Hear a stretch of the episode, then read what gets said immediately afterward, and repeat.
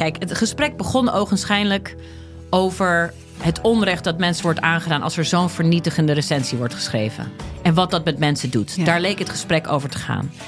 Maar gaandeweg, en dat is dankzij goed redactiewerk van mijn eh, redacteur destijds, blijkt dat die test niet deugt.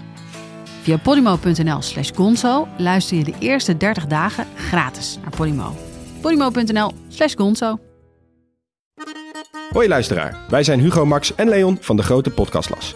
Wij zijn drie geografen en elke week behandelen wij een ander land. We bespreken onder andere de geschiedenis, politiek, natuur, maar ook de sport, de muziek en natuurlijk het eten.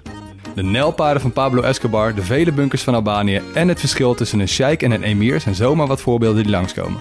Maar we bespreken ook de geopolitieke invloed van China in Afrika en de impact van het Europese kolonialisme.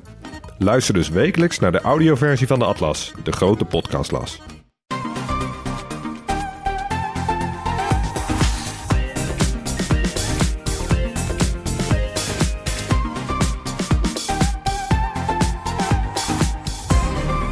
Welkom bij de Bright Podcast van woensdag 7 juli. We praten hierbij over de trending topics in tech van deze week. Mijn naam is Floris en aangeschoven zijn Tony, Hoi hoi. Erwin Hey. en onze autokenner Rutger. Uh, hallo.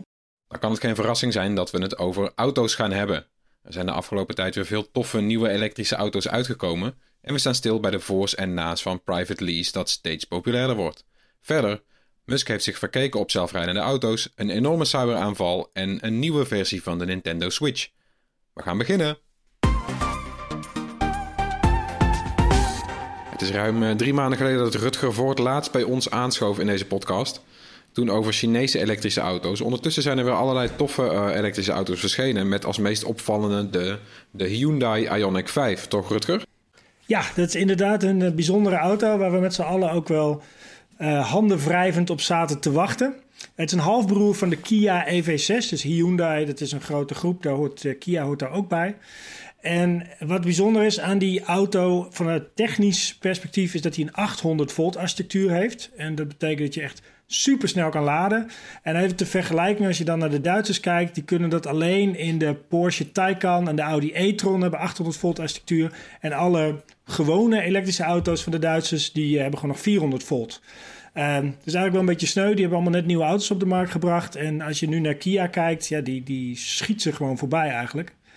Een ander leuk ding, je hebt de vehicle to load. Klinkt niet heel erg sexy, maar betekent dat je zowel bij de achterbank als bij het laadstopcontact ehm, heb je een, een, een outlet. Dus je kunt gewoon je laptop, eh, je tosti-ijzer, je wafelmaker... kun je gewoon aan de buitenkant van die auto hangen. En die gebruik je eh, gewoon vanuit... Een soort reverse charging.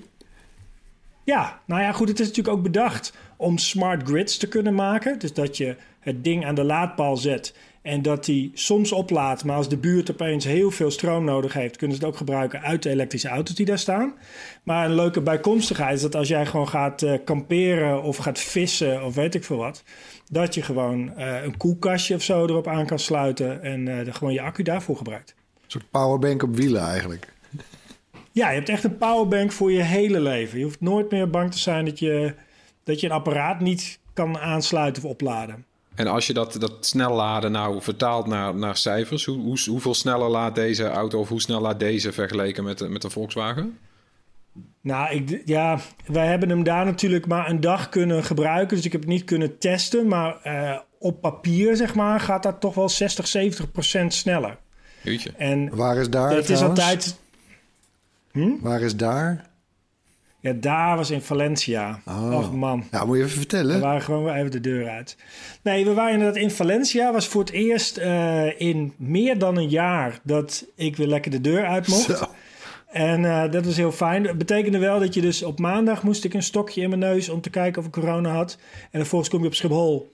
Dan hoeft niemand te weten wat de uitslag was. Eh, vervolgens op woensdagmiddag kregen we meteen weer zo'n stokje in de neus in Valencia voor de terugweg. En ook daarin waren ze niet bijster geïnteresseerd in de uitslag. Maar dat moet je dan dus allemaal wel doen. Dat is wel een beetje gek. Maar het was wel, eh, het was wel lekker om er even uit te zijn. Maar heel maf. Hè? Er zijn dus momenten waarop je dus met een mondkapje eh, zit. En iedereen zit met een mondkapje. Terwijl je denkt, ik ben gewoon buiten. Nu is het niet nodig. En de volgende keer is er, sta je in het vliegveld. Sta je weer ongeveer bij elkaar op schoot. Eh, ja, het is echt, dat, dat is heel gek. Maar het was wel lekker om weer even een, een, trip te kunnen maken, een video te kunnen maken op een andere plek natuurlijk dan hier eh, in Winsum. Ja. Ja, wat ook nog wel grappig was trouwens, in de video zag ik heel veel comments over de zonnepanelen op het dak. Want de auto die wij testen, die had dus ook een zonnepaneel op het dak. En er zijn altijd mensen die zeggen van, eh, waarom ligt zo'n elektrische auto niet vol met zonnepanelen? Nou, dat wordt daar wel door verklaard, want het extra bereik dat je ideaal kunt halen met het hele dak vol zonnepanelen is 1500 kilometer per jaar. Dus dat is natuurlijk, de vraag is een beetje of het dan de investering van zo'n zonnedakje waard is. Nou, waarschijnlijk niet. Want alleen de Project 45 introductiemodellen, die nu allemaal uitverkocht zijn, die kun je, kon je Nederlanders krijgen met zo'n zonnedak. En daarna is het ook niet meer leverbaar in ons land. Ja. Hey, nog, nog heel even over dat laden trouwens. Je, je had het over die 800 volt architectuur. Dat is eigenlijk high-end eh, spul nu. Dat je alleen maar een soort bij de allerduurste elektrische auto's. eh, maar even, even vertaal dat nog eens even. Hoe, eh, want hoeveel kilowattuur, kilowatt? Ik had het door elkaar. Je hebt het geloof ik al tien keer uitgelegd in video's, maar ik begrijp het nog steeds niet. Eh, weet Nee, je wat, ja, hoeveel, hoe groot is die accu die die heeft? Hoe lang sta je dan bij een snellader langs de snelweg ongeveer gemiddeld te wachten? Power, powernap Ja, lengte nou, wat- of eh, kun je heen en weer wandelen Ja, mee naar Winsum, zeg maar? Kilowattuur, dat is eh, hoeveel er in een accu past. En kilowatt is de snelheid waarmee je laat. En eh, we hebben onze lieve vrienden van EV Database, de website die eh, precies alle statistiekjes bijhoudt. Die hebben namelijk een leuke, die leggen het uit in kilometer per uur. Dus hoeveel kilometer bereik kan ik laden in een uur? En als je dan dus eh, de standard range neemt, de goedkoopste, die kan met 720 kilometer per uur laden. Eh, en de snelste kan met bijna 900 kilometer per uur laden. Dus je kunt 900 kilometer bereik laden in een uur. Nou heeft hij geen 900 kilometer bereik, maar zeg 400. Eh, dus je betekent dat je altijd een kwartiertje, 20 minuten ben je klaar. En ehm Hyundai zegt zelf van 10% tot 80%, dat is het meest voorkomende scenario eigenlijk, dat kost je 18 minuten. Oh, dat is wel heel netjes, hè? Dat is prima Ja, te doen. ja, dat is keurig. Nou ja, kijk, op het moment dat je onderweg bent, dan wil je eigenlijk twee uur kunnen rijden met zo'n auto en dat je dan even aan de paal moet. Ja, dat is sowieso niet- altijd een goed idee, toch? Bij een lange Ja, reis dat je na precies. twee uur even stopt. Ja, en dat kan dus gemakkelijk met eh, deze auto. Hey, en ehm, eh, het- ik, ik heb nu heel veel beelden ervan gezien, want ik ben ook best wel eh, nou, impressed door die Ionic 5. Ik vind het een mooi ontwerp. Eh, ik, ik weet nog niet precies waarom eigenlijk, geloof ik, maar hij heeft iets. Iets, iets futuristisch, maar ook een soort. nou, je zei het in het voorgesprek wel mooi. Die heb ik zelf ook gehad. eh, De eerste Audi TT, zeg maar. Het, was, het, is, het is tijdloos, ja. Zo lijkt het. Misschien nu al. Ja, anyway. Maar hè, en, eh, is het, hoe groot is die auto nou eigenlijk daadwerkelijk? Doe jullie erin gezeten, naast gestaan. Eh, op sommige Ja, foto's lijkt het, ze- eh, lijkt het een soort slagschip. Op andere lijkt het op een soort polo. Wat, is het? Ja, het is heel maf, want zelfs als je ernaast staat, dan denk je nog niet van dit is een hele grote auto of zo. Dat, hij heeft dus een- een ouderwetse hatchback proporties. Een soort Volkswagen Golf 1, zeg maar. Dat zijn ongeveer de proporties van die auto, maar dan na 120% geschaald of zo. Misschien nog wel meer. En het, op geen enkel moment voelt die auto dus heel erg groot. Maar als je naar de cijfers kijkt, de wielbasis, dus de ruimte van het voor naar het achterwiel, is 3 meter. En even vergelijking, die Volkswagen ID4, dat is die grote elektrische Volkswagen, ik weet niet of je die gespot hebt, dat lijkt echt Ja. een slagschip, dat ding. Die heeft een wielbasis van 2,77 meter. Huh. Dus die is, is kleiner. En de, de opbergruimte is ongeveer gelijk. Dus het is niet dat er bij de ID4 zeg maar, enorm veel meer ruimte achter het wiel of voor het wiel zit. Maar eh, hij is dus net zo ruim als een Volkswagen ID4. En het lijkt gewoon een, een kleine auto, een golfje of zo van formaat. Dus dat is. En dat zit heel erg in eh, detaillering van dingen. Dus hoe groot maak je een deurgreep? Ehm, je, een dikke rand rond boven de wielen, zeg maar. Waardoor die hele wielkast eigenlijk kleiner lijkt dan dat die in werkelijkheid is. Dus alle grote oppervlaktes worden even op een slimme plek onderbroken met een lijntje, zodat het niet heel groot lijkt, maar twee kleine stukken. Die, zeg eh, maar. die, eh, zeg maar die, die, die rimpels eh, of die vouwlijnen aan de zijkanten bijvoorbeeld, toch? Ja, precies. Ja, en dat doen heel veel autofabrikanten doen dat omdat dat accupakket een beetje verstopt moet worden in de hoogte van die auto. Gaan ze onderlangs, maken ze vaak een contrasterende donkere kleur of een beetje ander materiaal, waardoor je oog eigenlijk dat stukje niet meerekent bij de hele hoogte van de auto. Dus dan lijkt die gewoon een beetje Hmm. Ja, kleiner. ja. En dat is ook voor de wel gek eh, gehouden. optische trucjes. Ja, ja. Ja, precies. Maar ja, wat Ja. ik vond ook grappig, je zei in de video, hè, hij lijkt een beetje... want die wielen die zijn best wel groot. Ja, hij lijkt een beetje op een Playmobil-auto. Ja, precies. Ja, ik had dat ook op een gegeven moment kreeg zo'n Volkswagen Transporter. En die had hele grote deurgrepen. En doordat hij hele grote deurgrepen had, leek alles een soort andere verhouding te krijgen. Want opeens is zo'n deur niet meer enorm, want die deurgreep is ook zo groot. En je, je hersenen stellen zich gewoon in op dit is een deurgreep, die is normaal zo groot. Dus lijkt die auto gewoon kleiner. Het is inderdaad alsof je een, een Playmobil auto of zo instapt in, in eh, onderlinge verhoudingen. Maar en, wel en, enorm. eh, en nog even, ook toch even tot slot, want ik... Was hij in het echt, zeg maar, ook zo mooi? Als, of, of ja, als dat Ja. hij er op eh, fraaie foto's Nou ja, uitziet. kijk, Ja, mensen kunnen natuurlijk een soort van mooi of lelijk. Dat is één ding, maar hij ziet er in ieder geval heel erg eh, sci-fi uit. Die koplampen met die, met die vierkantjes van LED en die 8-bit. achterlichten met die grote pixels en zo. Ja, precies. Maar het is allemaal zo. Ehm, het lijkt allemaal zo voor de hand liggend dat ik het een heel mooi ontwerp vind. Er zit niks op waarbij je denkt van nou wat een, wat een gevreubel, wat proberen ze hier nou precies te doen. Ehm, ja, dus in ieder geval ziet hij er heel erg futuristisch uit. En ik vond het zelf ook echt een hele mooie auto om te, om te zien. Zowel van binnen als van buiten. Is, de, is het bekend trouwens wie de ontwerper is? Of is dat gewoon een eh, anonieme Koreaan? Ja, ik weet niet precies wie daar nu eh rondhuppelt. Want uh, Pieter Schreier die zat het eh, bij Kia. Ja, volgens mij is Pieter Schreier is nu ehm, ook hoofddesign van Hyundai. Dus die heeft daar wat mee te maken. Maar goed, dat zijn altijd teams van 30 mensen. En één iemand pitcht dan aan de baas. En is dan de baas de ontwerper of degene die de pitch gewonnen heeft. Dan wordt het, maakt altijd Hey, ruzie over. als Raymond van eh, Rijn zijn naam op een schilderij zet, hè, was het de Raymond van Rijn natuurlijk. Nee, zo is Nou ja, dan, dat zou het Pieter Schreier kunnen zijn. Maar misschien zit ik er verschrikkelijk naast, word ik gefileerd. Maar- Gelukkig lees ik deze Rutger, vind jij zelf dan die eh, Ioniq 5 de mooiste of die Kia E EV6? Ja, dat is grappig, want ik wist het van tevoren echt niet. Voor ik deze auto gereden had, dacht ik van, ah, die EV6 heeft ook wel wat. Die is een beetje gekunstelder in zijn ontwerp. Die probeert heel soort van stoer en snel eruit te zien. En dan heb je dan ook zo'n EV6 GT-versie komt er... met eh, nog lagere bumpers, met agressievere lucht in Ja, dan denk ik wel aan jou hoor. Ja, dat snap ik. Dat snap ik helemaal. Maar ik moet zeggen dat die Ioniq 5 in die zin wel positief verrast heeft. Dat, ja, het, ik denk namelijk dat je dit over 15 jaar nog steeds een futuristisch ogende auto vindt. Net zoals je dat met een Citroën DS of met een Audi TT hebt. Die, die hebben nog steeds iets unieks. Ja. En dat heeft die EV6 gewoon niet. En deze Ioniq 5 wel. ik viel me ook op trouwens bij Hyundai dat ze heel de referentie maakten naar, eh, naar de pony. Ik, zou, ik, Ja. ja. ik zie hem niet helemaal. Ja, ik bedoel, de, de, de neus die ligt inderdaad wat laag, alsof hij een heel hoog voorhoofd heeft, met een hoge vooruit dus. Maar Ja, en er zijn natuurlijk ook dingen van die, die autodesigners. Moet je je voorstellen dat die een super succesvol ontwerp hebben gemaakt. Maar dan moeten ze toch na drie jaar weer iets nieuws gaan verzinnen. Die, die, die vraagt, dus die bedenken op een gegeven moment ook dingen en referenties. Bij BMW heb je bijvoorbeeld de Hofmeister Kink. Die zit in het achteruit, zit een bepaalde vorm. Ehm, nou ja, met een soort van half boogje omhoog en dan gaat hij weer terug. En dat moet elke BMW hebben. En als hij dan er niet zit, dan worden alle puristen heel erg boos, zeg maar. Dat, dat doet BMW dan. En dit is ook, ja, als je die Hyundai Pony ernaast zet, dan zie je in een soort basisvorm, zie je wel dat ze een soort van maar- vergelijking... Ja, en ook wel in de eenvoud. De Hyundai Pony was ook gewoon een heel eenvoudig getekend model eigenlijk, uit een paar lijnen. En dat hebben ze hier eh, weer gedaan. En dat is ook wel wat het ontwerp succesvol maakt.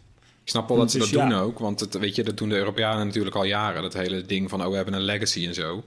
Ja, En ooit waren die Aziaten natuurlijk de nieuwkomer. En die hadden niks om op terug te wijzen. Maar nu is dat al veranderd. Die hebben ook een staat van Nee, dienst. en er zit ook wel, er zit ook wel een soort van eh, her- hervonden trots in of zo. Dus Ja. Japanners begonnen natuurlijk ook met het namaken van Amerikaanse auto's. Als je een Toyota Crown, dat leek net een grote Amerikaan, maar dan eentje waar niet de onderdelen vanaf vielen, zeg maar. En dat was het ding waar ze trots op waren. Maar niet per se het design. Toen waren ze nog heel van het kopiëren. En die Japanners hebben langzamerhand, als je nu Toyota en Lexus, dan hebben die veel meer een soort Aziatische vormgeving, waarvan ze zeggen dat kunnen we ook gewoon in Europa of Amerika verkopen. En die, die trots dat begint te ontstaan, Hyundai ook wel een, Een beetje te eh, ontstaan. ja. Ja, zelfverzekerdheid. Azi- Aziatische look, ja. ja al, die, al die Chinese Ja. auto's die je ook eh, test. Ja, Ja. Ik, ik, vind, ik vind ze er allemaal een soort hetzelfde uitzien. Maar ze beginnen wel een soort zelfbewust te worden, hè? ook in, in hun ontwerp. Ja, ik weet nog een paar jaar geleden dat ik dat had. Dat je opeens, als je een Premier League voetbalwedstrijd keek... dat er gewoon Chinese tekens als reclame op het shirt stond. Dat zegt denk ik ook wel iets over hoe belangrijk wij nog als markt zijn. En hoe belangrijk China bijvoorbeeld als markt is. En dus dat het voor een Hyundai eh, heel erg te zaken doet... of ze een auto maken die een design heeft die ook in Azië aanslaat. Ja, ja. Maar het is, eh, het is ook als je kijkt naar de eerdere elektrische auto's van Hyundai, is het wel echt een enorme sprong voorwaarts in ontwerp. Heeft dat nou echt ook alleen te maken met het ontbreken van zeg maar, de benzinemotor om rekening mee te houden?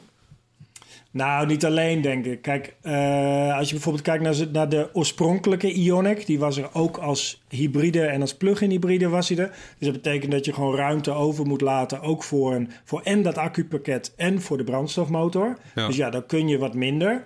Maar dat was een auto die ze gewoon heel erg op efficiency hebben ontworpen. Waar ze veel meer een beetje zich hebben laten leiden... door wat eh, de focus groups zeiden wat een mooie auto was. En hierin zie je gewoon echt zelfvertrouwen. Wij kunnen een auto neerzetten die, die wij mooi vinden... die niet lijkt op iets anders... en waarvan we toch denken dat die aanslaat. Ja, dat betekent dat je het en financieel niet heel moeilijk hebt... in de zin van dat je denkt... ik mag absoluut geen misser maken... Dat, dat leeft daar blijkbaar niet. Terwijl het bijvoorbeeld bij de Fransen nu wel heel erg eh, leeft. Ehm, en er is gewoon zelfvertrouwen in het eh, eigen kunnen. Hey, en eh, eh, je reed onlangs ook in de Volvo, de XC40 eh, Recharge. Hoe vergelijk die twee eens? Ja, dat is wel grappig. En die, die XC40 Recharge had ik eigenlijk niet zoveel van verwacht. Want eigenlijk is dat het onderstel van een Polestar 2. En dan ingebouwd in een auto die er ook als benzine was. Die ooit ook ontwikkeld is voor een benzinemotor. En maar dat was eigenlijk een hele fijne auto om te, te rijden. Het kost natuurlijk een beetje binnenruimte dat er ook een benzinemotor in zou passen. Maar dat is best wel een fijne auto. Maar als je hem vergelijkt met die Ioniq, dan zie je eh, dat je gewoon veel meer geld neerlegt. Je betaalt 56.000 euro voor die Volvo. En dat je wel veel minder auto voor je geld hebt. Dus de technologie loopt een halve generatie achter ten opzichte van zijn Ioniq als het om de aandrijflijn gaat. Ja. Ehm, nou ja, dat, dat, is echt wel, dat is echt wel een serieus eh, verschil als je erin stapt. Het voelt vooral alsof je in een auto van een halve generatie, misschien wel een generatie later stapt in die Ioniq. Want die eh, Ioniq 5 die begint bij... 43.000. En dat is wel een beetje verneukeratief. Ze hebben allemaal die 800 volt architectuur. Maar die instapper hebben ze zowel het vermogen teruggeschroefd... waardoor je langer niet zo snel accelereert... maar ook het eh snellaadvermogen is minder hoog. Ah, flauw. Ja, en op zich is dat nog steeds hoger dan een, dan een ID4 hoor. Maar, eh, Maar niet zo extreem als bij de duurdere variant. Ja, ja. Ja. Want eh, dus te beginnen nu eigenlijk eh, de, de, de, het aanbod aan auto's die echt from the ground up eh, echt ook als elektrisch zijn ontworpen. dat aantal begint nu wel toe te nemen. Hè? Dat is wel interessant. Ja. Ja, en je ziet nu dus ook heel erg dat verschil tussen de bedrijven. Zoals, kijk, de hele PSA-groep, waar Peugeot en Citroën en straks ook Fiat in hun auto's in ontwikkelen, die gooien het nog heel erg op beide opties. Dus als jij een Peugeot Ja. 208 koopt, dan kun je hem en elektrisch kopen of met een benzinemotor. En die auto's hebben gewoon een achterstand ten opzichte van deze die from the ground up zijn gebouwd als, eh, als elektrisch. En, eh, dus die Citroën EC4, die hebben we ook net getest. Komt eh, hopelijk vandaag, maar in ieder geval deze week, de video van op ons YouTube kanaal. Ja, die kost 10.000 euro minder. Dus dat is wel een serieus verschil met zo'n Ioniq 5. Ja. En dat is een auto waar ik echt prima mee heb kunnen leven een maand lang. Dus je moet je natuurlijk ook afvragen of je die 10.000 euro extra eraan uit wil geven. Ja, want er even voor de wel- luisteraar. Jij rijdt elke maand hè, voor je duurtesten... elke maand in een andere auto, hè, ongeveer. Ja, Ja, idealiter wel, ja. Soms nog iets sneller. wat een job, hè? Ja, ja. Ja, het is niet verkeerd. Maar goed, dat, eh, eh, dat was ook een prima auto. Maar goed, daar zit bijvoorbeeld ook weer geen trekhaak achter. Want dan denken ze van, oh ja, dan moeten die accupakket moet in de bodem. En dat is allemaal heel ingewikkeld. Ja, wat, wat is Eh, het toch dus- met die trekhaken trouwens? En elektrische Ja. auto's. Ja, dat hoorde ik laatst voor het eerst, ja. Ja, dat is heel grappig ook. We waren in Noorwegen bij de introductie van de Ampera een paar jaar geleden. Opel, en die Nooren, ja. die zijn natuurlijk allemaal echt enorm goed eh, zitten die in de elektrische auto's. Want eh, die hebben gewoon met hun oliegeld die hele transitie bet- be- betaald. En eh, die hebben elektrische auto's enorm gepusht. En dus die journalisten zijn ook heel goed ingevoerd. En die vroegen meteen, kan er ook een trekhaak achter? Nou, bij Opel meteen witte gezichtjes, want dat kon niet. En dat schijnt, er schijnen een paar redenen te zijn. Eén is dat ze bang zijn dat de actieradius zo hard terugloopt... dat mensen er boze brieven over gaan schrijven. Dus dan maar geen trekhaak, zeg maar. Maar je moet je natuurlijk voorstellen... Het, eh, als jij een caravan achter een elektrische auto hangt... en je kon eerst eh, 300 kilometer... nou dan kun je met die caravan kunnen 150 kilometer. Ja. Ja, Ja, het viel me wel op trouwens dat bij Ford, bij de nieuwe F, eh hoe heet die ook weer? De pick-up, F52 toch? Nee, de... F150, ja. Juist die, dank je. Eh, daar kan dus wel een trekhaak eh zitten op. En daar hebben ze gewoon de eh, gecommuniceerde range. Daarbij gaan ze gewoon uit van het feit dat je Ja, die trekhaak gebruikt. En dan is die nog Ja, steeds prima. en- Dat vind ik wel stoer. Precies, en ook niet met een holtkamper erachter, maar met eh, twee paarden en eh, al hun voer of zo, geloof ik. Ja. Voor mij is het inderdaad ook van als je de 2000 kilo trekt of zo, Ja. dat gigantisch veel is. Ja, Ja, maar die verwachten ook echt wat van hun trucks natuurlijk, die Amerikanen. Die gebruiken ze ook nog echt als, eh of althans. Ja, nee, maar het is, ja het is in de het brochure. tegenovergestelde Ja. van, eh, van wat Rutger zegt natuurlijk. Hè? Van, ze, ze, ze, ze doen er bijna geen trekhaak op, omdat ze bang zijn dat als ze er dan mee gaan adverteren, dat ze dan, ja, ja dus dat de beloofde range eh, niet wordt gehaald. Ja, je kan Ja. het ook omdraaien, maar goed. Ja, Nee, dat is het voordeel van zo'n pick-up natuurlijk, want die zijn enorm. Daar kan je heel veel batterijen in kwijt.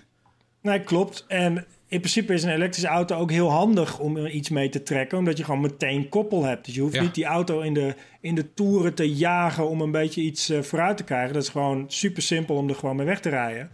En zo'n Model X die kan 2300 kilo eh, trekken.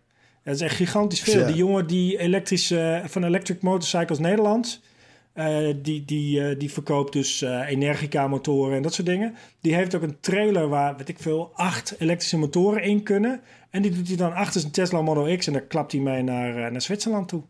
No problem. Moet Ja. hij wel een beetje vaker bij de snelladen, maar het gaat best. Maar goed, op de ja, Ionic geen trekhaak. Ja, de Ioniq heeft ook een trekhaak. Oh wel. Ja. ja, zeker. En volgens mij de standard range die komt tot 1500 kilo en de all-wheel drive eh, versie kon 1800 kilo trekken. Dus En Dan je standaard zit die er serieuze standaard op, trekken. of is dat optioneel? nee, het is wel een optie Ja, natuurlijk. oké, maar, eh, ja. Hey, en eh, ja, die, die ID4, hè? ehm, hè, want van de ID3 was je, was je niet on, onverdeeld onder de indruk. Hoe, eh, hoe kijk je nu, eh, je hebt is iets langer geleden alweer dat je die hebt gereviewd natuurlijk, maar hoe kijk je daar nu op terug nog, op die ID4 van Volkswagen? Ja, ik, het is een beetje zielig eigenlijk. ik, vind het, echt heel zielig daar in Wolfsburg.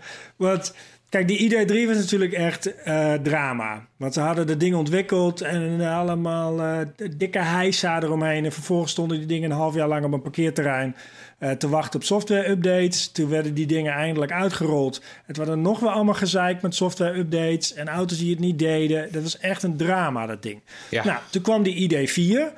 Daarbij hadden ze dat grotendeels wel glad gestreken. Dus je had geen grote problemen meer. En de ID4 is echt, als, je, als ik erin zou moeten rijden, zeg maar, helemaal prima. Best een fijne auto. Maar als je nu kijkt dat je voor hetzelfde geld dus zo'n Ioniq 5 koopt... De duurste gewoon- uitvoering dan? Eh, nou ja, goed, als je een goedkopere ID4 ehm, neemt en de goedkopere eh Ioniq 5 zijn ze wat dat betreft wel, wel redelijk te vergelijken hoor. Dat is, die, die, die Ioniq is niet heel veel goedkoper. Maar dan kun je dus veel sneller snel laden. Eh, je hebt ook meer bereik, standaard, ietsje meer. En je hebt gewoon een veel mooier uitziende auto.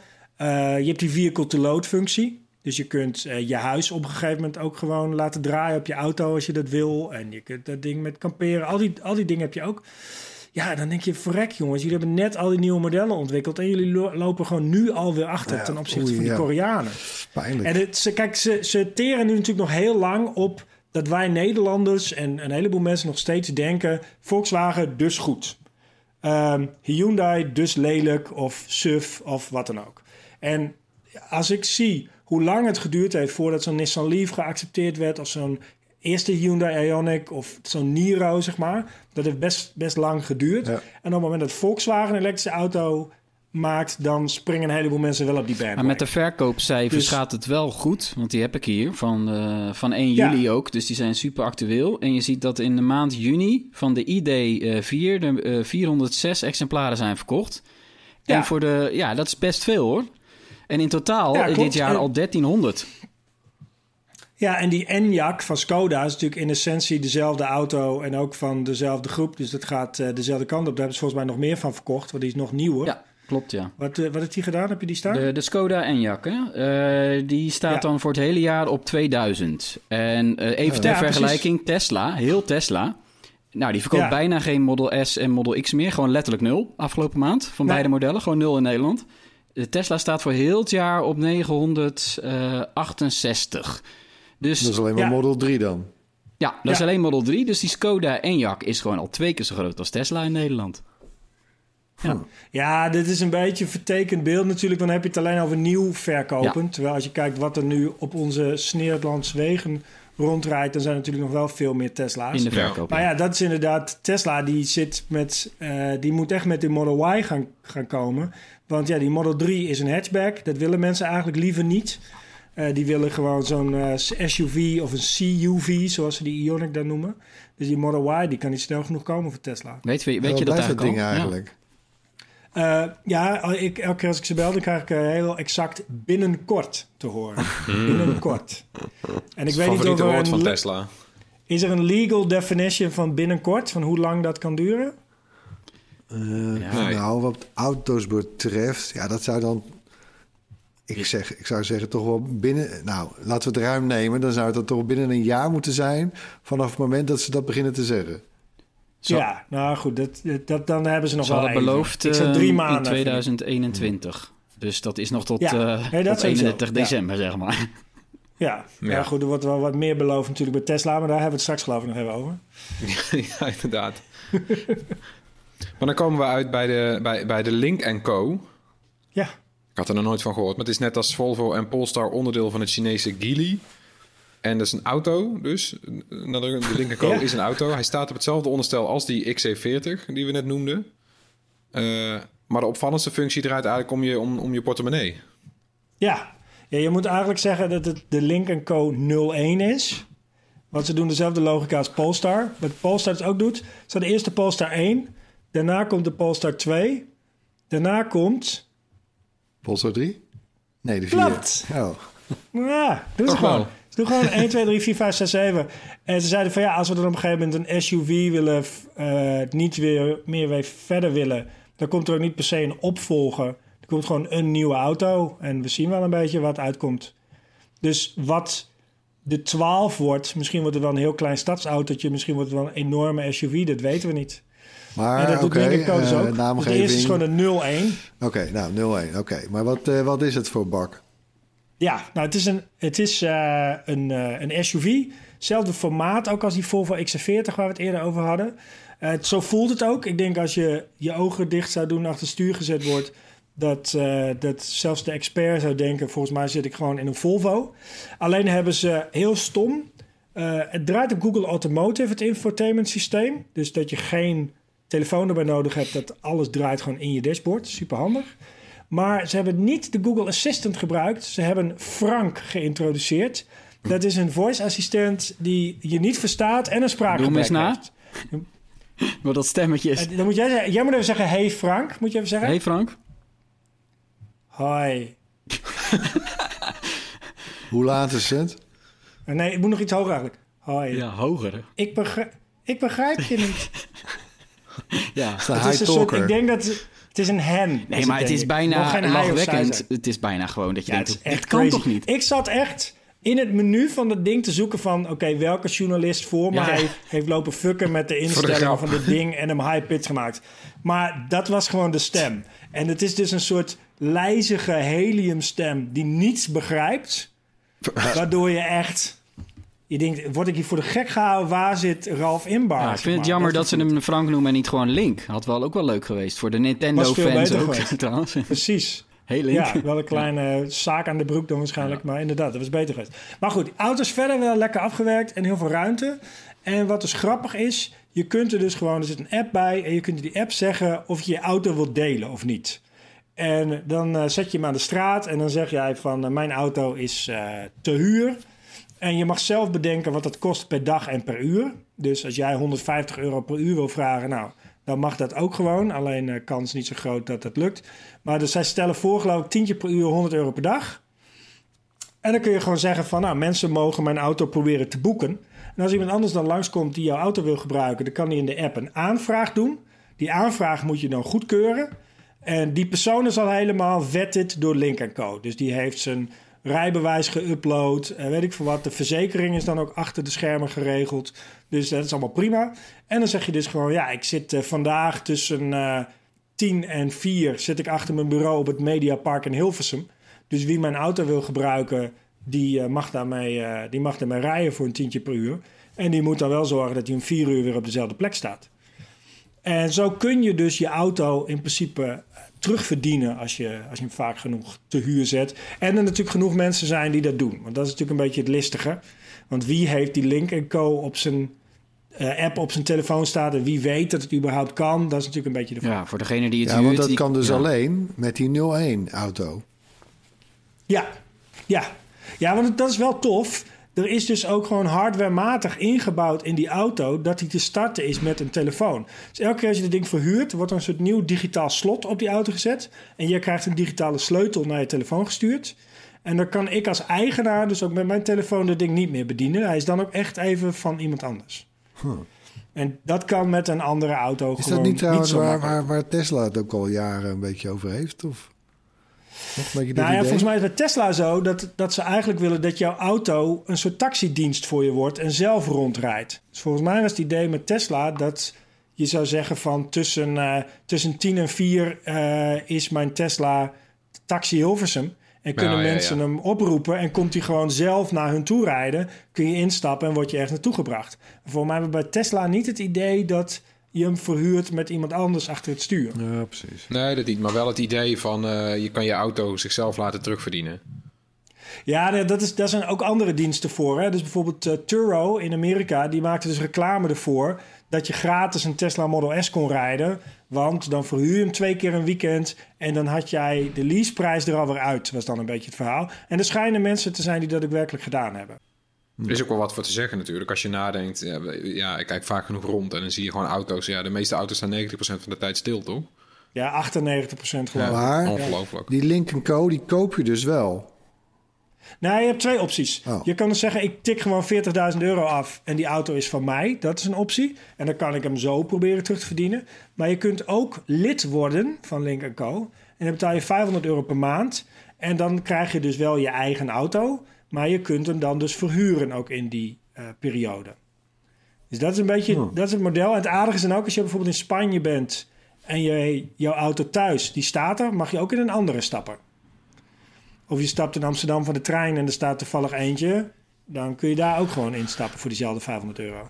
Ja, dus Hmm. eh, Link Co heeft, die heeft zeg maar ook gewoon een kooptraject en een, eigenlijk een soort private lease constructie. eh. Ja, maar bij die private lease is het verschil dat het gewoon per maand is. Dus ik had het er met iemand over, die heeft een Nissan Leaf met eh, een niet zo grote accu. En die zei van, nou, misschien neem ik gewoon voor vier weken zijn auto voor de vakantie. Maar dit is nog, Dus dat is ook een... het is wel heel nieuw nog. Ja, hoewel in de cijfers hier die ik dan open had staan, er zijn er 200 in Nederland op dit moment. Maar het is nog wel heel Oké. nieuw. Ja, klopt. En de vraag is natuurlijk of die op kenteken zijn gezet bij Link Co zelf. En dat ze ze gewoon in eerste instantie zo her en der door, door, eh, door Nederland Ja, verspreiden. precies. Of dat het echt door mensen aangeschaft is of door bedrijven direct. Dat, eh, dat weet ik niet. Ja, precies. Het is wel... Maar dat het is, wel, het is ja, wel een interessant model. Dat, dat maandelijks huren is inderdaad, daar had ik nog niet over nagedacht. Het is best wel inter- interessant om inderdaad voor de vakantie een grote auto te huren. Want ik denk, ik heb zelf een klein autootje en ik denk wel eens over, nou, nou met dit autootje zou ik liever niet op vakantie gaan. Maar als je dan Ja. voor, voor een redelijk bedrag zo'n auto kan huren. Ja, maar Ja, precies. Want in principe doen. hebben ze geen peak pricing of iets dergelijks. Dus in Hmm. juli is hij ook 500 euro. Dus dat is best wel interessant. Waar je wel op moet letten, is dat je max 1250 kilometer per maand hebt. En daarna begin je 15 cent per kilometer te, te betalen. Dus eh, dat is wel een beetje beperkt natuurlijk. Want ja, als je op vakantie gaat, dan eh, tik je die 1250 toch wel snel aan. Ja. Ja, en er moeten er genoeg van staan. Dat is natuurlijk, eh, staat of valt een beetje met eh, of er genoeg in jouw buurt direct te huren zijn. Nou ja, maar jij kan dus ook direct bij Link Co zeggen... ik wil lid worden voor een maand. Ik betaal 500 euro. Dan heb je gewoon recht op een Ja. auto. Dus Ja. dan moeten ze dat voor je regelen. Dus je kan wel goede zaken voor- doen nu trouwens. Want ik zat laatst te kijken om op vakantie. eh, ik, ik vlieg dit jaar naar Spanje. En ik wilde een auto huren. Nou, daar ben ik wel van teruggekomen. Er is iets met die, met Ja. die huurmarkt gebeurd. Dit is niet normaal. Voor, voor een week een eh, Fiat 500 was, eh, was 800 euro. Ja, klopt. Dus, Nee, klopt. Het schijnt dat in de, door die, dat komt heel erg door die pandemie.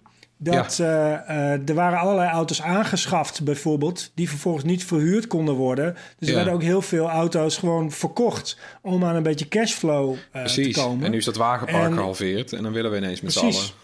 Ja.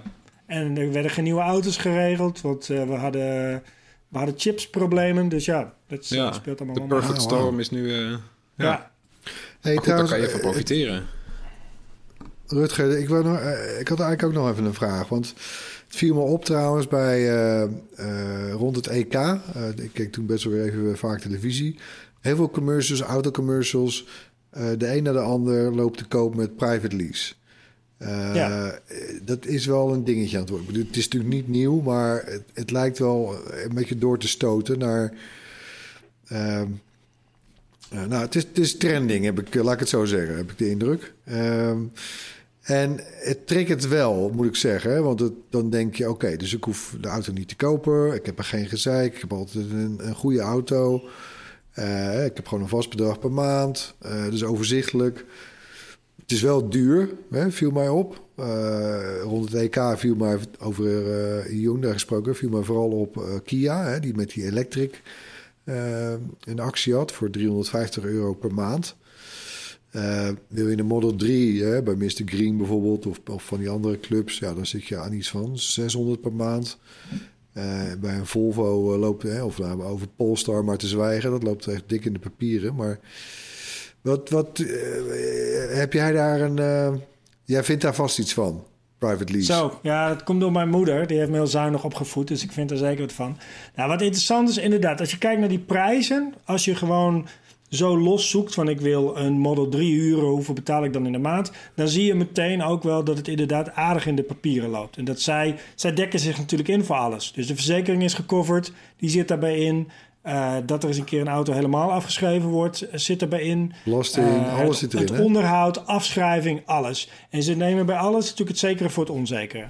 En het is niet zo dat er zulke enorme marges op auto's zitten... dat zij groot kunnen inkopen en heel veel goe- goedkoper kunnen li- uitleasen, zeg maar. Dat, Ja. dat, dat bestaat niet. Dus je betaalt altijd de mensen die er achter de telefoon zitten... het gebouw het in zit, betaal je ook allemaal. Dus het is economisch gezien onmogelijk dat private lease, bottom line, goedkoper is dan een auto aanschaffen. Dat kan niet. Ja. Maar de reden dat het zo populair is, is precies waarom het jou waarschijnlijk ook triggerde. Je ziet opeens een bedrag staan dat niet eh 35.000 euro is of 45.000 euro, Ja. maar je ziet staan eh 500 euro in de maand. Nou ja, dat is een kleiner getal. Dus een heleboel mensen die vallen daarvoor. En het, het sneaky daar is dat veel mensen die dit dus gaan doen, die bij een garage langskomen, wordt nu ook gewoon private lease genoemd. Als je nu in een configurator van een automerk zit, dan kun je ook kiezen tussen wil je de aanschafprijs of de private lease prijs zien. En de eerste keer dat je dit doet, rekenen ze ook nog met de inruil van je oude auto. Dus dan maken ze een heel mooi bedragje voor je klaar. En het bedrag is opeens veel lager dan je had verwacht. Want jij levert een auto in van 10.000 of 15.000 euro waarde. Ja. En dat gaat natuurlijk meteen van het bedrag af wat je moet leasen. Dus ik ken een heleboel mensen die daar ingestonken zijn. En op het moment dat ze dan na vijf jaar weer zijn ze... Oh kak, nou betaal ik best een keer zoveel. Want ja, je hebt niks meer in te leveren. Dus ja, ik denk in zijn algemeenheid altijd met private lease... Maar eh, wacht even, Eh, over vijf jaar zeg je dus wanneer mensen eh, een andere, een andere auto willen private Ja. leasen. Ja, want die private lease is op een gegeven moment afgelopen. Dat contract houdt op na drie jaar of vaak na vijf jaar. Ja. En dan heb je geen auto om in te leveren. Dan is hij gewoon weer van de leasemaatschappij en jij hebt niks. Ja, dan betaal je opeens de gewone bedragen. Dus dat is in ieder geval iets waar mensen zich niet op moeten verkijken. Dat als ze zo'n offerte zien, van reken dan niet het bedrag mee wat jij inruilt. Dus laat het ook zonder inruil voorrekenen, want dat is wat het echt kost. En ik denk ook, je moet je echt beseffen dat als je drie of vijf jaar vastzit aan een auto, dat het echt betekent dat je er aan vastzit. Dus op het moment dat jij dan denkt, ik wil iets groters rijden, of eh, eh, nou ja, in mijn en Floris geval, onze hond valt toch een stuk groter uit dan dat we op de plaatjes hadden gezien. Dus hij Ja. past niet meer achter in de mini. Eh, ja, dan zit je gewoon vast aan dat contract. En je kunt uit elk contract, maar dan betaal je daar natuurlijk ook flink voor. Dus je, je legt je vast op iets voor een bepaalde periode. En vaak zijn de prijzen die je ziet, zijn ook voor vijf jaar vast 10.000 kilometer per jaar. En dat is natuurlijk ook weer zoiets. Ja. Als je zelf een auto koopt en je wil er 100.000 kilometer mee rijden in een jaar, ja, dat zou je lekker zelf weten. Dus da- die, die soort van verplichting die je aangaat, betekent ook dat je ontzorgd wordt. Maar ja, ik vind zelf de verplichting nogal groter dan de mate van ontzorging. Want een nieuwe auto heb je echt niet zoveel onderhoud voor nodig. Heb je echt geen ANWB-abonnement voor nodig. Die blijft echt wel rijden. Nou ja, je Dus hebt wel ja. een goed punt. Want ik heb, ik heb een kennis die het laatst... Je had het voorbeeld net over waarom in eh, Zuid-Europa die huurauto's zo duur zijn. Maar eh, eh, die had dus een auto gekocht van iemand die zijn private lease niet meer kon betalen. Dus die, en die Oh, ja. auto moest, wordt dan vervolgens de markt opgegooid. En die had een Ja. mooi scherp prijsje. Maar ja, inderdaad, Ja. je kan het niet meer betalen. Ja, en dan? Dan ben je wel de sjaak natuurlijk, ja. Nee, klopt. Dan zit je er echt aan vast. En ook als je nu bijvoorbeeld kijkt, als je elektrisch wil gaan leasen, dan zou ik denken, ja, Gert, je weet gewoon, volgend jaar komt er iets veel mooiers op de markt. Ja. Dus Ja, oké. Maar goed, aan de andere kant, weet je, als jij drie maanden je hypotheek niet kan betalen, dan sta je ook op straat. klopt. Maar je hebt een huis vaak wel harder nodig dan een nieuwe auto. Je kan ook nog gaan fietsen of met de trein. Maar op de camping gaan er in staan. je auto slapen. nou, maar met die Link Co, daar mag je dus wel eh, elke maand vanaf, zeg maar. Ja, kun je elke maand Dus vanaf. is- Ja, dus dat is in die zin heel aantrekkelijk. Maar redden zij het dan eigenlijk wel, af- economisch gezien? Dat is wel een gok die ze wagen. Nou, dat vind ik wel heel spannend. Want ehm, als ik dus in juli een maand een auto nodig heb, krijg ik hem dan? Heb, heb je hem dan? Is die auto dan een nieuwe auto? Is een tweedehands auto? Trekken ze die ergens van straat? Hoeveel voorraad gaan ze dus hebben? Hoeveel auto's gaan zij zelf op straat zetten in de hoop dat iemand ze meeneemt? Ik, ja, het is wel een- best wel een, eh, een tricky businessmodel. En heeft Geely natuurlijk, eh, de eigenaar heeft gewoon hele diepe zakken. Dus die Ja. kunnen zich wel een experimentje Volvo dat veroorloven, dan, als ik. het een succes is, gaat Ja. Volvo het zelf doen, geloof ik. Hè? Of die doen al zoiets. Ja, maar goed, dat is dus dat, dat noemen ze dan inderdaad een membership ook of zo, Dat is geloof ik. private lease. Maar dat is langer niet zo flexibel. Dat, eh, dus eigenlijk gewoon over het soort private lease, toch, bij Volvo? Ah, ja. Ja, grotendeels. En je kunt volgens mij wat makkelijker van auto wisselen. Dat is volgens mij een verschil met die, eh, met die Volvo-constructie. Ja, de pest is gewoon dat je nu eigenlijk voor het eerst eh, zijn, zijn gloednieuwe auto's binnen bereik voor zo'n beetje iedereen. Hè? Ja, ja, en eigenlijk moet je natuurlijk afvragen hoe, hoe veilig dat is dat dat zo is. Ja. Want het betekent ook dat mensen steeds meer schulden aangaan. En ik merk het zelf ook, hè. Voor je het weet heb je je Amazon Prime, je Xbox Live, je dit, je dat. En dat is dan tientjeswerk. En dat Ja. kun je meestal wel volgende maand opzeggen. Maar Ja. al die dingen die naar abonnementsservices gaan... als je dat even onder elkaar zet, dat tikt gewoon behoorlijk aan. En als je daar dan een aantal tussen hebt van grote bedragen... waar je niet zomaar vanaf kan... ja, dat is wel een serieus Ik, heb, eh, ik heb toevallig vanochtend heb ik een eh, wasmachine besteld.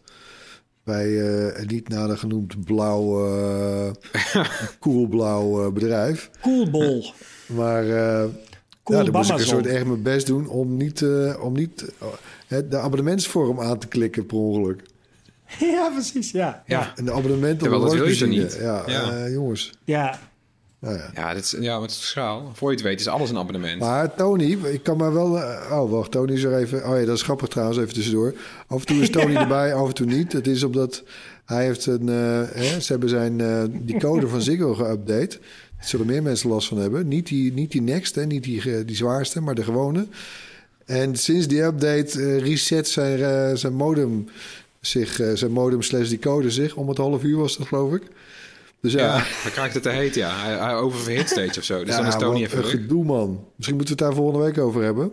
Eh, heb je dat ook? Heb je daar last van? Laat het ons weten op podcast.bright.nl. Ehm, Ja, lijkt me super irritant. Maar goed. Eh, nee, ja, jammer. Want Tony is dus wel echt zo'n huurder-type. Weet je, die, die huurt eigenlijk het liefst Oh, ja. alles. Eh, Ja, ik heb ook iedereen die een swapfiets rijdt, die wijs ik ook na en lach ik uit. Ik denk, Ja, ik. Reken het even uit. 12,50 euro. Na 10 maanden heb je die fietsen wel betaald, zeg maar. Maar dat ding heeft echt niet meer dan 125 euro gekost, want het is echt zo'n zo'n bouwmarktfietsje, zeg maar. Ja. Dus echt, ik bedoel, ik raad niemand aan om van een junker fiets te kopen, zeg maar. Maar als jij gewoon een tweedehands fiets haalt die iemand al een keer overgespoten heeft, waardoor er niks meer waard is, dan ben je voor zes tientjes ook verder. Echt, ja, ik begrijp het Ja, niet. maar het is, ook, het is ook een soort van leerzaam, vind ik. Voor gewoon met, met geld om leren gaan. En voor, voor je Ja. eigen spullen zorgen of zo. Weet je, als je alles maar de, de hele tijd huurt en zo... en alles is tijdelijk en wegwerp... Ja, dat- Zonder zorgen. Ja. Het is juist niet waar we Ja. naartoe moeten eigenlijk. Eigenlijk willen we iedereen een beetje bezorgd hebben. Iedereen is misschien, misschien wel iets te onbezorgd. ja. En voor je het weet is het milieu verpest en zo. Kan, eh, kan deze podcast alsnog door eh, het Nibud gesponsord worden, eh, Erwin, denk je? Want ik vind dat we wel echt goed advies geven. Ja. Ja. Ik vind het ook een mooi einde van dit onderwerp. Je bent er klaar mee. Gaan we door met het hoorspel. In het hoorspel laten we elke week een techgeluid horen. En dit was het geluid van de afgelopen week.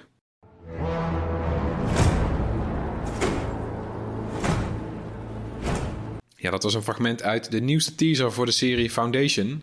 Waar Erwin vorig jaar naar tipte eh, in de, in de tips. eh, Vorig jaar dat is vorige week. Boy Baart. Ja, vorige week. En, en dat, wist, dat wist Boy Baart uit België. Eh, die precies wist te melden eh, waar dan in die teaser dat eh, betreffende geluid zat. Daar houden we van. Dus gefeliciteerd Boy, dat Bright T-shirt komt jouw kant op. Goeie naam, man. Boy Bart. Ja, allitererend. Natuurlijk hebben we ook weer een nieuw geluid. Komt-ie. Ik begrijp je niet. Ja, als je, nou, eh, als je nou denkt dat je weet wat het is, stuur je antwoord dan naar podcast.bright.nl. Onder de mensen die het juiste in- antwoord insturen, verloten we zo'n gewild Bright T-shirt. Ja, dan is het tijd voor een rondje kort nieuws. We beginnen met eh, weer auto's. Want de update om Tesla's volledig zelfrijdend te maken komt na jaren uitstel er nu echt aan. Dat zegt Tesla-topman Elon Musk, die toegeeft dat hij zich op de functionaliteit heeft verkeken. Musk zegt, quote... Een volledig zelfrijdende auto is een zeer lastig probleem. Je moet er, eh, je moet er voor veel zaken in de echte wereld met kunstmatige intelligentie op- oplossen. Eh, had niet verwacht dat het zo moeilijk zou zijn, maar de moeilijkheid is achteraf gezien logisch. Einde quote. De Tesla-topman belooft dat de testversie van de lang verwachte update voor autonoom rijden binnenkort verschijnt. Daar is het weer, is hij weer. binnenkort. Binnenkort. Ja. Ik zweer het, zegt Musk. Ja. Nou, ja. dat is al beter. Ja, hij zweert ik het. zweer ja. het. Ja, want even om terug te kijken, hij eh, belooft die update al sinds 2018. Eh, ja, en eh, de eigen topman eh, van eh, zelfrijdende software van Tesla... die zei eerder dit jaar dan weer in een interne memo... dat die eh, zelfrijdende Tesla's er dit jaar sowieso niet in zitten. Dus dat, nou ja, Maar die durft wel. binnenkort blijft, eh, blijft rekbaar. Nou ja, als het verschijnt, Rutger, dan begrijp ik... in Nederland mogen ze dan 60 km per uur rijden. Dat is het verhaal, hè? Ja, oh nee, dan moet ik er wel even induiken. Want dat is, dat is eh, als je level 3 autonoom Ja. hebt. Maar de- zij willen dus een level 5 autonome rij, eh, rijdende auto op de markt Dat mag brengen. gewoon niet. En dan zijn die Ja. regels natuurlijk ook weer iets anders. Maar ik, ik, ik weet niet wat die auto dan wel en niet moet kunnen. En Tesla heeft natuurlijk altijd een beetje gewoon de, de, de, de, de, strategie gehad om te zeggen van we, we laten gewoon zijn auto dingen doen waar geen wetgeving over is. Maar inmiddels is die wetgeving er wel. Ja, dan komen ze daar niet meer mee weg. Dus dit wordt wel eh, spannend. Nee, want kijk, in, Ja. in Amerika, als je op YouTube eh, zoekt op eh, Tesla full, full self-driving eh, beta heet dat geloof ik. Ja, je Ja. krijgt hele bijzondere filmpjes hoor. Ja, Ja. gewoon stoppen voor een stoplicht, zelf weer optrekken van de ene naar de andere lane. Ja, Soms is het echt spannend. Ja, de massale cyberaanval van afgelopen weekend dan... die heeft wereldwijd tussen de 800 en 1500 bedrijven getroffen. Dat zegt Fred Vacola, de topman van Kaseya. En dat is een programma, eh, van, eh, ja, een programma van die Amerikaanse softwareleverancier. Eh, daarmee werd gijzelsoftware verspreid. En eh, daarmee werden de systemen en bestanden van allerlei gebruikers van, dat, eh, van die software versleuteld. We kennen het grapje inmiddels. En de vermoedelijke daders hebben een losgeldbedrag geëist van 70 miljoen dollar in bitcoins. Maar ze zeggen te willen onderhandelen. ja, dat willen ze altijd wel. En dan, eh, dan hopen ze dat al die winkeliers en bedrijven die getroffen zijn... zin hebben om daaraan mee te betalen. En de topman van het softwarebedrijf, eh Focola, die wilde niet zeggen... Eh, of hij in gesprek met, gaat, met, gaat met de cybercriminelen. Ik kan daarop geen ja, nee of misschien antwoorden, zegt hij. En in Nederland werden dus ook bedrijven getroffen. Van zakelijke dienstverlening tot de logistiek, maar ook winkels. Ja, maar goed, het is wel echt... Ach man, weet je, het, het, is, het is niet je core business waarschijnlijk. Hè? Als je, je runt een bedrijf, je, hebt, eh, eh, je computersysteem is belangrijk, is essentieel. Maar je hebt er misschien wel een mannetje voor of een extern bedrijf die dat voor jou regelt. Ja. En, en je bent dan de Sjaak. Ja, ik durf, ja, ik durf volgens mij... meerderheid die betaalt gewoon. Het is volgens mij een van de meest efficiënte vormen van criminaliteit op dit moment. Ze, Ja, Hoe weet jij dat? Nou ja, nee, maar goed, ga maar na. Weet je, Die lui lopen geen enkel risico. Nee, klopt. Die zitten daar ergens in, eh, in een of andere hut aan de Zwarte Zee. Zitten ze daar een beetje, een beetje te vissen. En ondertussen ja, stuur er nog maar een rondje met bedreigmailtjes uit. Eh, Ja. nee, maar ze, ja, want met het is heel reminder en de deadline. En onze sleutel eh, voor, voor Ja. de bitcoins, ja. ja het is veel makkelijker dus dan... eh, het is makkelijker dan proberen om een of andere zero day te vinden in iOS of zo. Want daar zitten, daar zitten honderden, weet je wel, er zitten honderden programmeurs op om dat ja, dicht te houden. Dat is gewoon bijna Maar een dit vak, zijn, kun je zeggen. Ja, dit is bijvoorbeeld een of ander IT-systeem voor, eh, voor, voor, een, voor een winkel. Maar ja, net Ja, als maar vorige week... zelf- eh, Ja, vorig jaar was er ook een pakket met monitoring software voor het netwerk. ja, Waar ze dus eh, in een update een ding hadden bij in weten te proppen, waardoor ze toegang kregen. Waardoor ze dus dat hele netwerk konden, konden bekijken. Ja. ja, het is heel slim, want je bent van alle schakels ben je uiteindelijk afhankelijk. Nou, ze kiezen gewoon de schakel die dan het zwakst is. En dan kan jij inderdaad als, als winkelier gewoon uitrekenen. Nou ja, als ik, als ik een week offline ben, dan verlies ik drie ton. Eh, hij vraagt mij één ton. Nou ja, betaal hem maar. Ja. Want zo snel los je het zelf hebben ze daar ook al algoritmes voor om te bepalen wat het beste eh, losgeldbedrag is? Dat daar ook al artificial intelligence eh, bij komt kijken. Nou, daar lijkt het namelijk Ah, wel op. lach er maar om. Maar, ja, daar eh, lijkt het nu wel op. Omdat je, ze, je wil echt niet eh, dat je in die situatie zit, hoor. ze, ze, Nee, ze checken wel degelijk wat de omzet is van een bepaald bedrijf en hoeveel ze kunnen, kunnen vragen. En had toch die, eh, die mandenmakers, die was, eh, die Ja, was de laatst week bij de Ja. tv-show, geloof ik, zoiets. Toen kwam die in de picture Ja, blijkbaar. ja. En opeens, eh, heel toevallig, eh, is zijn hele bedrijf gehackt. Ja. Ja, precies. Want ik denk dat niet zoveel mensen wisten dat hij eh, multimiljardair is en eh, zoveel winkels heeft. Maar al die winkels lagen vorige week wel ineens plat, ja. Nintendo heeft een vernieuwde Switch aangekondigd. Na lange geruchten. De grootste vernieuwing is het scherm. Dat is nu OLED in plaats van LCD. Ook is het iets groter, 7 inch in plaats van de 6,2 inch van de huidige Switch. Het formaat van de nieuwe Switch verandert niet. Wel heeft het, scherm, eh, het nieuwe scherm dus wat dunnere schermranden. De resolutie van het scherm blijft hetzelfde, 27p. Ook de uitvoer naar de tv verandert niet en is dus nog steeds 1080p. De concurrentie zit inmiddels op 4K.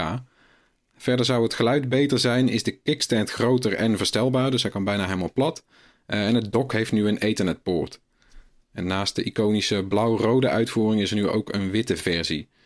De vernieuwde Switch verschijnt op 8 oktober. De Nederlandse prijs is nog niet bekend, maar hij kost in de VS 350 dollar. Dat is 50 dollar duurder dan het origineel. Tja, geen 4K. Nee, Nou, al die geruchten, eh, toch jammer, ja. het is, het is niet de Switch, Switch Pro van- waar we op hadden gehoopt, zeg maar. Nee, nee Nintendo zelf eh, heeft hem staan als een Nintendo Switch tussen haakjes OLED-model. Goeie naam. Ze durven het het, eh, inderdaad. geen pro te noemen, nee. Ja, Dit, dit is een beetje... eh, je mag het een nieuwe versie noemen, maar daar is- heb je het ook wel mee gezegd, hè? Het is een beetje het min... Dit is volgens mij de meest, eh, de minimale update die ze hadden kunnen uitbrengen. ja. Nee, eens. Ik had, ja, weet je, er zijn er zoveel dingen die ik liever had gezien. Want volgens mij het is niet duidelijk of er nou een nieuwe chip in zit. eh, die krachtiger is. Daar is geen woord over gerept. Dus dan zal allemaal niet. Ja, Joy-Cons hebben al jaren problemen. Zijn deze nieuw? Dat weten we ook niet. Eh, dus dat kunnen we wel allemaal mooi gaan uitproberen. 8 oktober. Maar weet je, ik had liever een 1080p eh, schermpje in die Switch gezien. Bijvoorbeeld. Misschien heeft het noemen. wel eh, te maken met ook- chiptekort. Hè? Want een, een, een beter scherm heb je misschien een snellere chip nodig. En Nintendo heeft gezegd dat ze er last Ja. van hebben. Van het chiptekort. Nou ja, ik vind het toch een beetje eh, een anticlimax, geloof ik. Ja, ik ook. Ik had echt wel gehoopt op, op, op Zelda in 4K als hij straks uitkomt, die nieuwe Breath of the Wild 2. ja. Ja, ter afsluiting hebben we dan wat tips voor je. Beginnen we natuurlijk met gast Rutger. Dat vind ik heel flauw, want jullie mogen gewoon elke week. Dus dan als je een tip hebt, zeg maar, dan is het niet zo spannend dat je precies de goede wil doen. Maar dus eh, vanavond kom ik ook op een veel betere, weet ik zeker. Maar ik heb wel één die echt heel leuk is. Een podcast van het Klokhuis. Eh, zeker als je kinderen hebt, maar ook als je geen kinderen hebt trouwens. Echt een leuke podcast. Het gaat over onmisbare uitvindingen. En ik, eh, niet te veel spoilers, maar aan het begin dan vertellen ze, geven ze je een soort eh, riddle van wat eh, de onmisbare uitvinding is. En de, die wordt dan onthuld. Het zijn twee presentatoren die het samen doen. En het is gewoon ontzettend grappig gedaan met geluidseffectjes erbij. En een van de presentatoren die schrijft steeds liedjes over het onderwerp die ook heel erg leuk zijn. Eh, mijn zevenjarige smult ervan, maar ik lig ook vaak eh, dubbel van het lachen van die podcast. Podcast van het Klokhuis, Onmisbare Uitvindingen. Leuk, klinkt goed. Ja. Tony dan.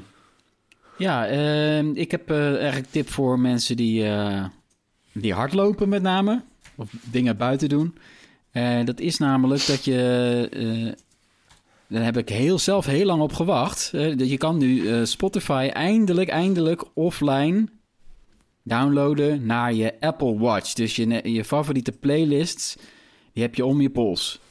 En dan doe je AirPods of andere oordopjes in... en dan heb je geen telefoon meer nodig om naar muziek te luisteren. Dat is natuurlijk wel heel erg fijn, want er is niks irritanters dan met zo'n band om je arm hardlopen. Ik heb zelf gewoon eh, de, hele tijd mijn telefoon in eh, de zak van eh, jas gehad tijdens het hardlopen. Nou, dat, is, dat loopt voor geen meter hoor. En dan kan je eindelijk kan je alleen met je Apple Watch eh, muziek luisteren. En die, die update die was notabene al eh, op 21 mei was die al aangekondigd door Spotify. Maar wat gebeurde er vervolgens in Nederland? Niks. En een hele hoop andere landen ook niet, want in Duitsland is het bijvoorbeeld nog steeds niet beschikbaar. Maar ik kreeg toevallig gisteren de pop-up op Spotify dat die functie er was. Dus eh, ja, misschien dat het de uitrol echt heel langzaam gaat. Eh, misschien niet bij alle luisteraars beschikbaar, maar ik zou het even proberen als jij een Apple Watch hebt en Spotify. En dat zijn natuurlijk heel veel mensen uiteindelijk. En dan de tweede tip voor hardlopers is de nieuwe Adidas eh 4D forward schoenen. Want eh, ja, dat is toch wel apart. Dat zijn de lelijkste schoenen die ik zelf ooit aan heb gehad. By far. het ziet er... Dat zegt het wat. ziet er, hè, dat zijn een soort... Het is echt alsof je een soort zwemvlies aan hebt. Zo voelt het. En zo ziet het er waarschijnlijk ook uit bij mij. Maar goed, eh, het bijzondere aan die schoenen is... er zit enorm eh, een nieuwe technologie eh, in... waar ze vier jaar lang aan hebben gewerkt, zeggen ze ook bij Adidas.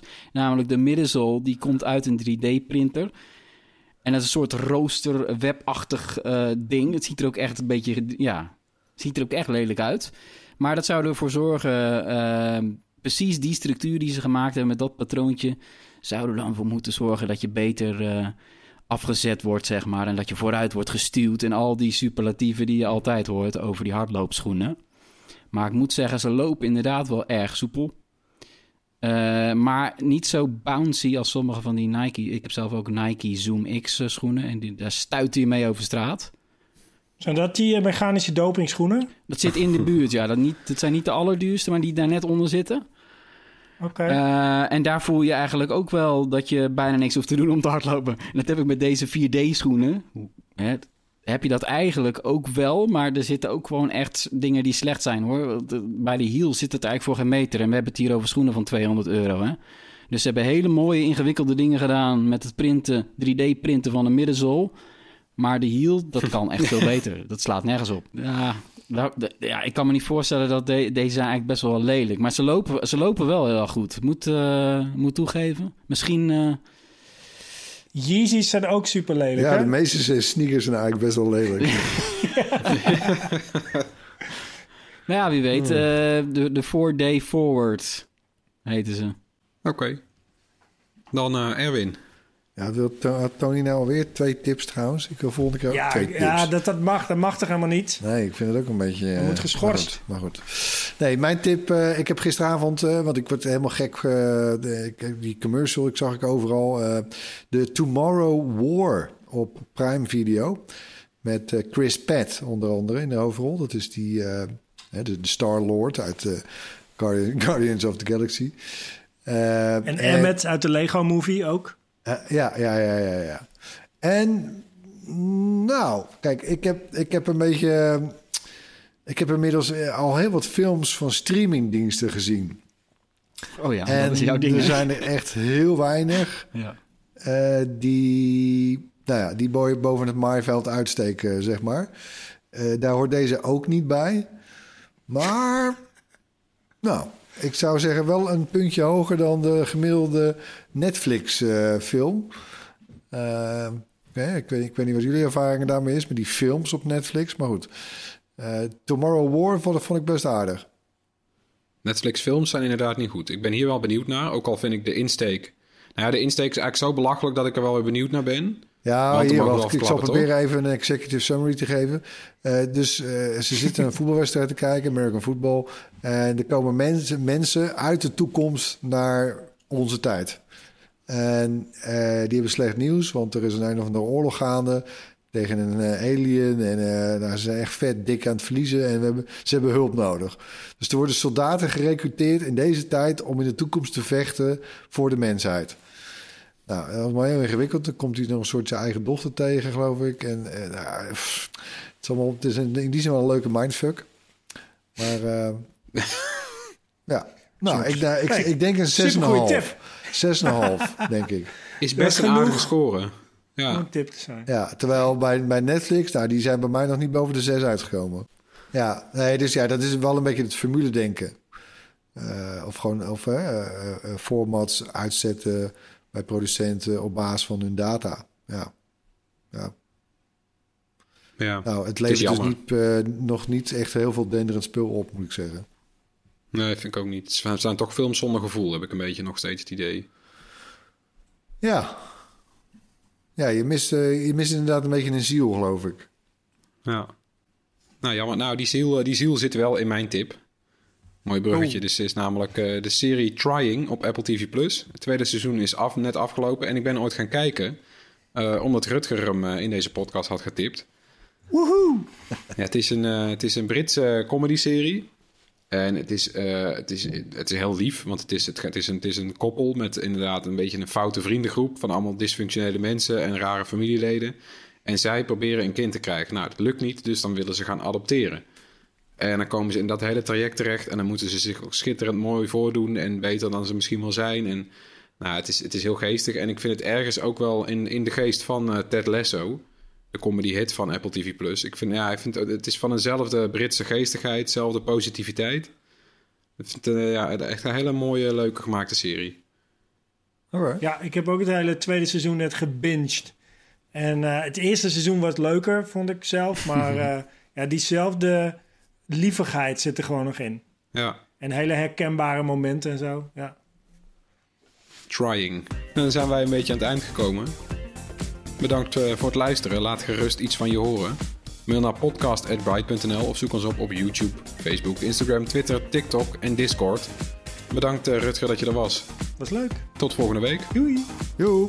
Doei.